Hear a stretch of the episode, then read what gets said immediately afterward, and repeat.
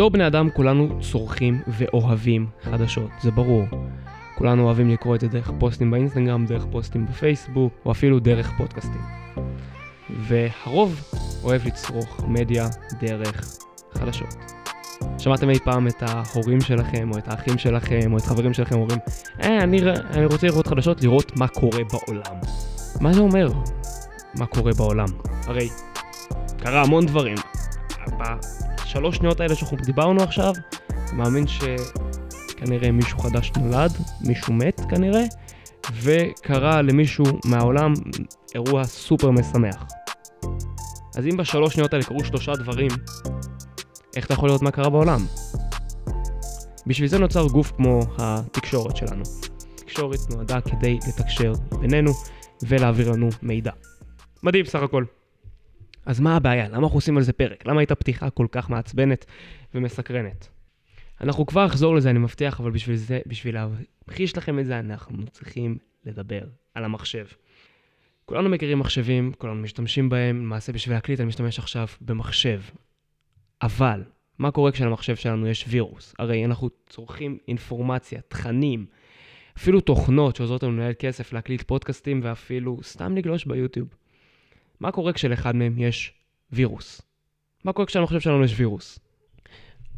אז כמו שכבר ניחשתם, בדיוק כמו שניחשתם, כשלמחשב שלנו יש וירוס, הוא נהרס. ויותר מזה, זה פוגע בו, פוגע בתפקוד שלו, ופוגע בסופו של דבר בכל המחשב עצמו, ואפילו לא יכול להרוס אותו לגמרי. אז מה אם האינפורמציה שאנחנו צורכים יכולה להיות וירוס? מי אמר שהאינפורמציה שאנחנו צורכים היא מהימנה? מי אמר שמה שאנחנו לוקחים, או מה שאנחנו צופים בו כדי לראות מה קורה בעולם, הוא לא סוג של וירוס? אנחנו כבר נחזור לזה בשביל להמחיש לכם טוב יותר, אנחנו נצטרך להיכנס פה למיני סיפור. תנו לקח אתכם 20 שנה, 30 שנה אחורה. כשהכול היה יפה, לא היה פודקאסטים, לא היה סושיאל אה, מדיה והיה עיתונים כדי לפרסם. פעם, החלום של כל ילד אמריקאי, עזבו שהיום יש ילדים אמריקאים שיוצרים NFT ואשכרה ביליונרים, ילדים אמריקאים כדי להרוויח כסף היו פותחים דוכן לימונדה. בשביל לפתוח דוכן לימונדה, אתה מכין לימון והיית עושה תחרות למי יש לימונדה טובה יותר. ככה היית מנצח. המנצח מי שיש לו לימונדה טובה יותר, מרוויח יותר כסף, מצליח יותר. אחלה. ואז כל ילד ניסה, אה, ואז כל ילד מנסה בעצם להכין את הלימונדה הכי טובה, לשים פחות לימון, יותר לימון, טעם אחר, טעם חדש, אה, להפוך את כל הלימון, וכל זה בסופו של דבר כדי להרוויח עוד כמה דולרים לכיס. ובדיוק כמו הלימונדה, ככה גם היו העסקים פעם. היה מספרה, היה חנות אוכל, והיה כנראה חנות בגדים. סבבה? וה... וזה, וזה, וזה מה שהיה, פשוט היה בגדים, ופשוט רבו מי מכין בגדים טוב יותר, כל אחד ניסה ושאף להכין כמה, מוצר כמה שיותר טוב.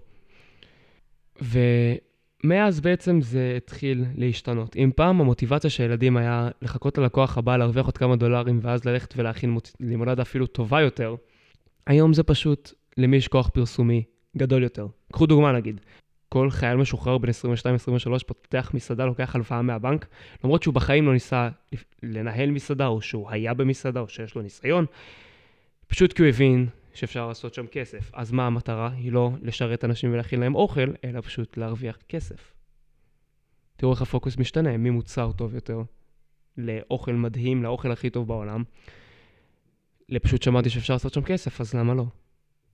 ואם חשבתם שזה רק מסעדות, או חנויות בגדים, או מספרות, לא.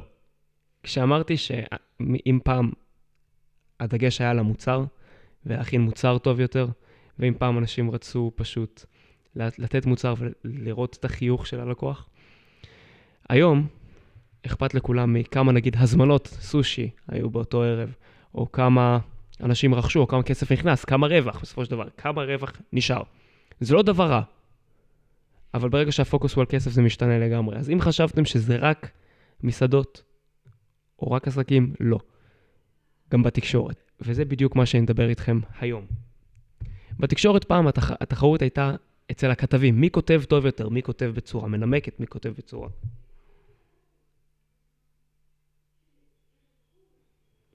פעם בערוצי התקשורת היו כתבים, ומי שהיה כתב טוב יותר, ככה החדשות רצו אותו יותר. לא בגלל שהוא יודע לכתוב בצורה משכנעת יותר, שתגרום לך לקרוא את האייטם הבא, פשוט כי אנשים יתחברו לסטייל והסגנון כתיבה שלו, ופשוט החדשות רצו אותו, ככה הוא יגיע לקהל גדול יותר. ראו ערך, בלוגרים, היום בלוגרים עם קהל גדול. פעם החדשות היו רוצים אותם ומוכנים לשלם להם הרבה מאוד כסף. אם אתם שואלים את עצמכם מה הסיבה, זה פשוט כי זה קובע מי הקהל גדול יותר. היום, היום זה רחוק מזה ממש. היום התחרות ממש לא עומדת על איכות החומרים, או מי כותב טוב יותר, או מי יש את הכתבים הטובים ביותר, לא. היום הכתבות, התח... היום התחרות עומדת על מי ישטוף לכם את המוח יותר. אני יודע, אמרתי לשטוף את המוח, בכוונה השתמשתי בזה, אני יודע מה אני אומר.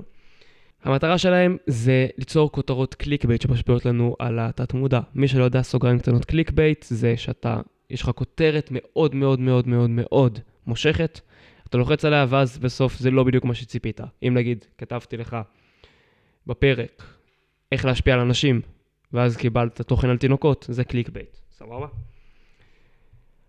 ואם חשבת שזה נגמר כאן, לא, אנחנו מגיעים אפילו לרמה יותר נמוכה, בכל זאת, 2022.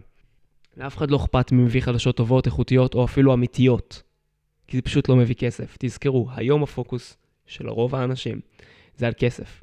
מי, מה מביא יותר כסף, מה מביא יותר הזמנות, מה מביא יותר רייטינג, מי משאיר יותר בסוף החודש. אבל למה? מה אכפת.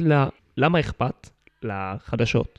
מקליק ביתים, מה אכפת להם מכמה שיותר צפיות? מה אכפת להם מתוכן לא קשור? מה אכפת להם? איך, איך זה עושה להם כסף? אז ככה, שמח ששאלתם.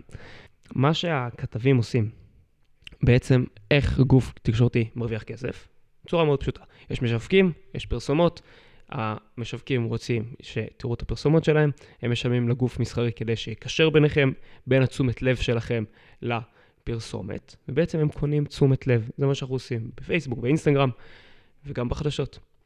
אז בעצם בחדשות, מה שאנחנו עושים, אנחנו משלמים להם כסף, והערוץ תקשורת, אנחנו משלמים להם לפי צפיות, לפי חשיפות. אז אנחנו רוצים, הם רוצים שיהיה להם כמה שיותר קהל, וכמה שיותר יישארו בפלטפורמה, קצת מזכיר את פייסבוק וטיק טוק, כדי שהם יעשו כמה שיותר כסף. סך הכל הגיוני, לא? עד עכשיו זה לגיטימי, הגיוני, מדהים, מעולה, פצצה. פייסבוק עושים את זה, טיק טוק עושים את זה, אין עם זה שום בעיה, זה אחלה לגמרי. הבעיה זה שגוף כמו חדשות, או גוף שכל הציבור סומך עליו, מתחיל לרדת מדגש של הכתבות לדגש של ה clickbait, ושם דגש על כמה שיותר זמן צפייה וכמה שיותר רייטינג. ואם אתם שואלים את עצמכם, למה להשתמש בכל כך הרבה כתבות clickbait? למה להשתמש בשליליות? שליליות זה משהו שאנחנו ניגע בו בהמשך. דמיינו לכם שאתם הייתם פותחים עכשיו את העיתון, והכותרת גדולה כזאת היה כתוב, איזה כיף היום, איזה יום מדהים, צאו לטייל. הייתם מחייכים. והולכים. לא הייתם קוראים את העיתון, לא הייתם נשארים לקרוא עד הסוף, בטח שלא הייתם רואים את הפרסומות שהמשווקים שילמו עבורם.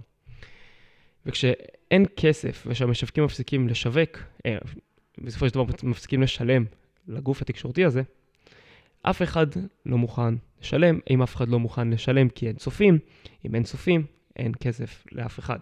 לא למשווקים ולא לגוף ולא לתקשורת בסופו של דבר. עכשיו, אני זוכרים שאמרתי שליליות ואמרתי שניגע בזה, אני רוצה להיכנס לזה בדיוק עכשיו כדי, להבח... כדי להסביר לכם משהו קריטי לפני שנמשיך. לא יעזור, בני אדם נמשכים לשליליות. אנחנו נמשכים יותר לשליליות מאשר חיוביות. איך? הדוגמה הכי קלאסית, סרטי אימה. חבר'ה, יש סרטי קומדיה, יש סרטי אימה. במה הכי קל לצפות ולהישאב פנימה למסך? סרטי אימה. ברור, אבל למה? בסרטי אימה יש את הפחד, יש את המתח, יש הרבה הרבה הרבה יותר דברים שמושכים אותנו וגורמים לנו לצפות עד הסוף, ואפילו לצפות בסרט הבא, למרות שאמרנו לא, למי יש כוח, ארבע בבוקר. הסיבה לזה היא שיש לנו חלק באמיגדלה, יודעים מה, עזבו, אני לא רוצה להיכנס לזה, יש לנו חלק באמיגדלה שאחראי לו לפחד, זה המוח הזוחלי, זה שאחראי על האינסטינקטים שלנו, והוא הכי חזק בגוף שלנו, יותר מכל מוח אחר, שזה המוח היונקי, ויש לנו את המוח האנושי, מה שהופך אותנו לאנושיים ולא לדולפין.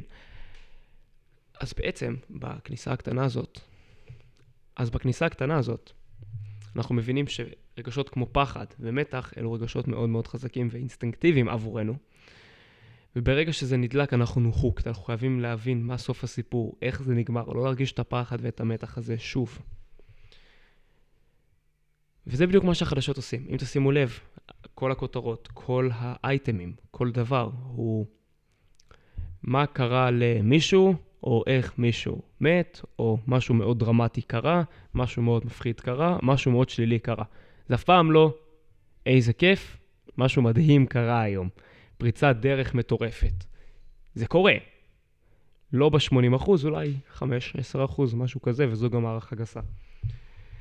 אז מה הבעיה בעצם? אמרנו, אמרתי בתחילת הפרק וירוסים, אמרתי אינפורמציה זדונית, אמרתי כל מיני מילים שמאוד מאוד מפחידות.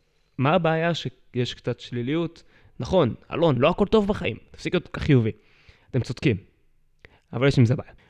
תראו, הדרך הכי טובה לשתול לנו אינפורמציה מסוימת, או תחושות מסוימות, או אפילו רגש מסוים, היא דרך תקשורת, היא דרך אותה אינפורמציה. וזה כבר חברות ענק הבינו ממזמן, חברות שגדולות יותר ממני, מכם, אלא אם כן מנכ"ל דיסני שומע את הפודקאסט הזה, ואז Welcome brother. הרעיון הוא שברגע שאנשים, ויותר נכון, שישה חברות בארצות הברית, ששולטות ב-90% מערוצי המדיה, יש להם שליטה מאוד מאוד מאוד גדולה על האינפורמציה שלנו, על התחושות שלנו ועל איך שאנחנו רואים ומרגישים את העולם. זוכרים את הפרק על framing ופרספקטיבה? זה מתחבר לזה. זה נראה לי פרק בין הטובים שעשיתי. ברצינות, זה פשוט מתקשר לכל דבר. אז מה זה אומר? סבבה, יש שש חברות ששולטות, who cares, למי אכפת? יש דברים שליליים, בסדר, אז מה, קורה, הכל טוב. למה זה כל כך קריטי? למה אתה עושה על זה פרק? למה דפקת פתיחה כזאת, כזאת מושכת? אז זה די פשוט, זה די ברור, תחשבו על זה ככה. אם אתם קוראים משהו ומרגישים ככה, אם אתם רואים כותרת מסוימת, מישהו רצה שתרגיש ככה. מישהו רצה שתרגישו ככה. אם אתם רואים אייטם בחדשות, ואתם מרגישים פתאום עצב, מישהו רצה שתרגישו ככה. אם אתם רואים משהו ופתאום שמח, מישהו רצה שתרגישו ככה. תזכרו, אם התקשורת שלכם היא החלון שלכם לעולם, אם התקשורת שאתם רואים בערוץ 2 היא התקשורת שלכם למה קורה בעולם ובחו"ל, למרות שבתכלס הם מחליטים מה להציג לכם, יש להם שליטה ממש על החלון. וברגע שיש להם שליטה על החלון שאתם רואים, הם יכולים לגרום לכם להרגיש מה שהם רוצים. הם יכולים לגרום לכם להרגיש מה שהם רוצים, יש להם את המוח שלנו. עכשיו, לא, זה ממש לא קונספירציה, אני לא רוצה להיכנס לזה, אבל ברגע שיש להם שליטה עלינו, להם, וואו, זה נשמע כל כך... לא רוצה להיכנס לזה, לא, לא רציתי להגיע לזה. אבל ברגע שמישהו שותה לכם אינפורמציה, ואתם מאמינים לה, כי בכל זאת, דיברנו פרק על סמכות, גוף תקשורת, זה מאוד סמכותי. יש לו רצון מאוד מאוד מסחרי, והפוקוס עבר מלהיות כתב טוב יותר ולכתבים טובים יותר, לכסף, ולמי משאיר כמה שיותר אחוזי רייטינג ואחוזי צפייה. אז בסופו של דבר, אם אתם מרגישים משהו, כנראה שמישהו רצה שתרגישו ככה. אם אתם קוראים משהו וישר מתעצבנים, מישהו רצה שתתעצבנו. אז מה לעשות? מה... סבבה, זה מאוד רע, זה נוראי, זה משפיע לנו את התמותה, זה גורם לחלק לחרדות. כן, אם, דרך אגב, כניסה קטנה.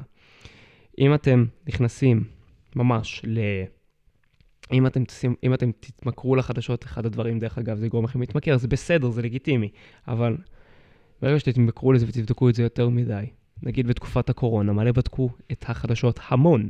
למה בדקו את זה המון? כי יש זן חדש, מתי הילדים חוזרים לגן, מתי אני יכול לחזור, מתי עסקים נפתחים, אנשים בדקו את החדשות כל, כל, כל הזמן. זה השפיע עליהם בצורה נוראית. אנשים התחילו לפתח כמה, הרבה יותר חרדות, אנשים התחילו לפתח הרבה יותר דאגות, והיו הרבה יותר שליליים. עכשיו, לא, אני לא רוצה, ולא אומר לכם, לכו תהיו חיובים, הפי, הפי, והשמש זורחת אתכם מהתחת. לא, זה לא מה שאני רוצה שיקרה. אבל מה שאני לא רוצה שיקרה גם בצד השני, בסופו של דבר, זה שכולם יהיו שליליים ושהכול חרא. בסופו של דבר, אנשים ייכנסו לדיכאון. אני מאמין בסופו של דבר, כמו אינגן יאנג של, של הסינים, או של היפנים, לא זוכר. אחד הדברים, זה בסופו של דבר אתה צריך למצוא את האיזון. נכון, אתה יכול לסטות קצת לפה, לסטות קצת לפה, אבל אף פעם לא להיות בקיצון, כי קיצון אף פעם לא טוב. אז מה עושים? מה, מה עושים מכאן? מה אני רוצה שתיקחו מהפרק הזה? אה, מעבר לזה שאני רוצה שתחשבו על מה שאני אומר, ואל תיקחו גם אותי בתור גוף סמכותי, לכו תבדקו כל מה שאני אומר לכם בגוגל ובכל מקור מידע, ותשאלו חברים קרובים, תשאלו מי שבא לכם. בסופו של דבר אני נותן לכם את הרעיון, תוודאו ותבדקו אם הוא מתאים לכם. כמו שאתם עושים את זה איתי, וכמו שאני רוצה שתעשו את זה איתי, אני רוצה שתעשו את זה עם חדשות, עם כל אינפורמציה שאתם מקבלים. הסיבה לזה פשוטה. כשאתם מבינים ש... אם אני רוצה נגיד, סתם ניקח אותי כדוגמה, שמי שאני רוצה שתרגישו שמחים עכשיו, או בוואו גדול כזה, כי אפשר לגרום, כי גורמים לזה לקרות, זה אפשרי. אנחנו גם נלמד בפרקים הבאים איך. כשאנחנו מבינים את זה, אז זה יפסיק לשלוט עלינו. אנחנו נבין שסבבה, מישהו רוצה שנרגיש ככה, הכל בסדר, בואו נבדוק את זה ובואו לא נשאב לזה יותר מדי. בקיצור, פשוט תסננו מידע. אל תיקחו כל דבר כנכון וכאמת לאמיתה. תתחילו לחשוב על מה שאומרים ותזכרו שבסופו של דבר, אם אתם רואים משהו, מישהו רצה שתראו את זה, מישהו רצה שתרגישו ככה, ולפעמים זה ממש לא מה שקורה בעולם. קחו את המחשבה הזאת. אנחנו, אני חושב, שלושה, ארבעה, אפילו שמונה מיליארד אנשים בעולם. אנחנו כמות מטורפת של אנשים בעולם, סבבה? כמה מיליארדים יפים. ובכל שנייה בערך בעולם יש מישהו שמת, יש מישהו שחי, שנולד, תינוק חדש נולד, אפילו לפעמים תאומים. יש מישהו שקרה לו אירוע מאוד משמח, יש מישהו שנפרד מחברה שלו, ויש מישהו כנראה שעכשיו התחתן. כל זה ב... אולי חצי שעה האחרונה. והכל שאלה היא איפה אתם שמים את הפוקוס שלכם. אם אתם שמים את הפוקוס על השלילי, זה יגדל. כל דבר שאנחנו שמים את הפוקוס שלנו עליו, הוא יגדל ויתעצם. אם נשים את הפוקוס על חיובי, תתחילו להיות חיוביים יותר. אז לא, אני לא אומר לכם לשכוח מהשלילי ולהעלים עין, אני לא אומר לכם לכבות את הטלוויזיה כל פעם שמדברים על אוקראינה ורוסיה. אם זה מעניין אתכם, אם זה לא מעניין אתכם, פשוט תהיו כמוני, ביי, הלכתי. פשוט תסננו את המידע, זה חושב הטיפ הכי טוב. ועד הפעם הבאה, שימו פולו, תדרגו חמישה כוכבים, תשלחו לחבר אם אהבתם. ואנחנו נתראה בפרק הבא, ביום שני. אולי בשש, אולי בחמש. ואם כבר מדברים על פרק הבא ועל זה שאני אעשה לכם טיזר לפרק הבא, אז מה שאנחנו הולכים לדבר עליו בפרק הבא זה מועדים מיוחדים. התחלנו לדבר קצת אקטואליה, אז כן. מועדים מיוחדים, כמו יום אהבה, כמו יום משפחה, כמו ט"ו בשבט, כמו יום העצמאות, איך זה משפיע עלינו, איך זה משפיע על הסובבים אותנו, איך זה משפיע על הסביבה, ואיך זה משפיע על המוח שלנו והמודע שלנו. וואו, מה מחכה בפרק הזה? אני לא יכול לתאר לכם. חבר'ה, הולך להיות מדהים, היה לי מדהים, היה לי כיף. יאללה, נתראה ביום שני, בעוד שבוע, יאללה, ביי.